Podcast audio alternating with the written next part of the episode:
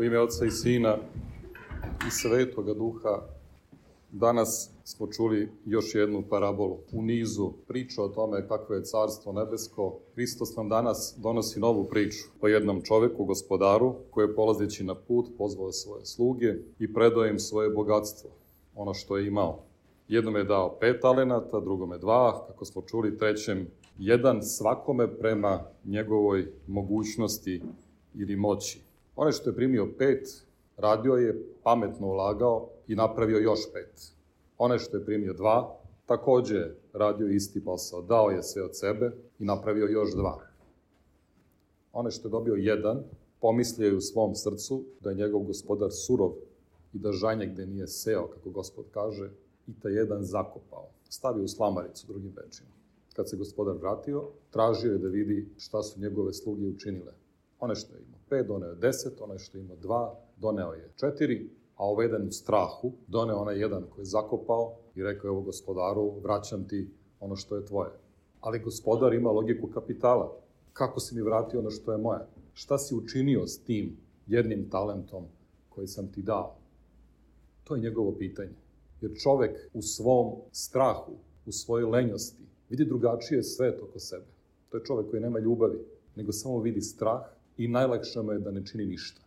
Nikakav podvig, nikakvu promenu, ništa. I to je onaj koji vraća jedan talent. Znate kako funkcionišu berze? Cene čas skaču, čas padaju i oni silni brokeri koji se nalaze na berzama sve čine kako da novac, kapital koji im je neko prepustio, koji im je neko dao, učine još većim. Uložu sav svoj napor i sav svoj život u tu stvar.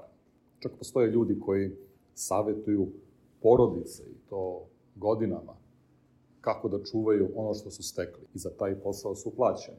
Čine da ono što smo stekli u životu ne propadne, da taj jedan talenat ne bude zakupan negde na nekom tamnom mestu, smešten na nekom mestu gde će samo propasti, gde će ga konačno inflacija pojesti i on će izgubiti vrednost.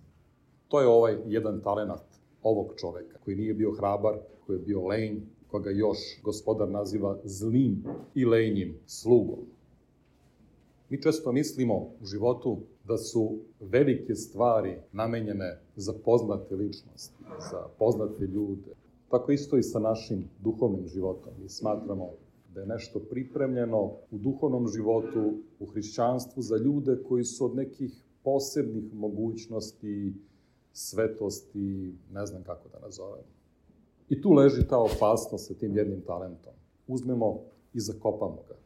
I kažemo, relativno sam dobar čovek, mogu bih reći ako poredim sebe sa drugima da sam i pošten čovek, kad dobro presaberem pa i poštujem deset Božih zapovesti, dosta. To je taj jedan talent koji smo stavili u slamaricu. I nećemo s njim da činimo ništa.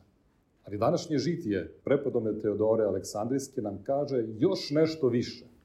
Još jedna stepenica više. On nam govori o jednoj ženi koja je, kako čitamo iz žitija, imala vrlo prostodušan pogled na svet, koja je poverovala jednoj vračari da ako učini veliki greh noću, Bog to neće videti. I učinila je greh i kajala se čitav život. Ali je Bog uzneo na visine svetih.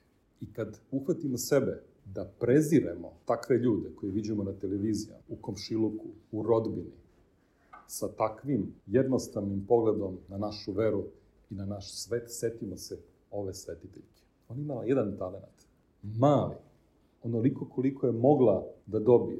I od tog jednog nije napravila dva, nego deset. Takva, kakva je bila i sa takvim pogledom na veru i na svet. Zašto nam to Bog daje, tako braći i sestre?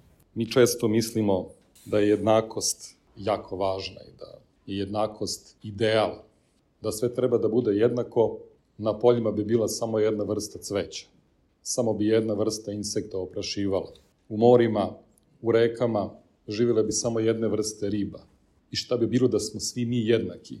Da imamo pet talenata ili da imamo samo jedan? Kako kaže otac Aleksandar Šmeman, na svetu nema niti može biti jednakosti upravo zato što je svet sazdan ljubavlju, a ne principima. Ono za čime svet žudi je ljubav, a ne jednakost. I mi znamo, ništa tako ne ubija ljubav, ništa je tako ne zamenjuje mržnjom, kao ta jednakost koja se svetu neprestano nameće kao cilj i vrednost. Ništa, kaže otac Aleksandar, ne ubija ljubav kao ta želja i ideja za jednakošću, ta monotonija, ta ideološka sivilost ubija ljubav. A gospod nam govori upravo o tom talentu. Kako da umnožimo svoju ljubav? Kako da gospodarimo svojom ljubavlju? Kako da ona dobije takvu dinamiku da nikad ne prestaje, nego da postaje sve veća i veća? I ako mi uzmemo taj talent ljubavi i zakopamo ga negde u neku tamnu rupu, šta će ostati od ljubavi? Mi smo pozvani da ljubavlju svedočimo vaskrsenje Hristova. Kako kaže sveti apostol Pavle, bio je i gonjen, i tučen, i mučen, i preživeo brodolom, sve za ljubav Hristovu. Tu ljubav, ako zakopamo, zakopali smo i veru i nadu. Poistovetit ćemo se sa ovim zlim slugom, koji ima jedan talenat, zakopao ga i onda pokušao da ga vrati. Ali ako imamo takvu ljubav kao prepodobna Teodora, čak i sa takvim prostodušnim pogledom na našu veru, imaćemo prilike da je unesemo u naš život i uznesemo u visinu Carstva Božijeg. Amin.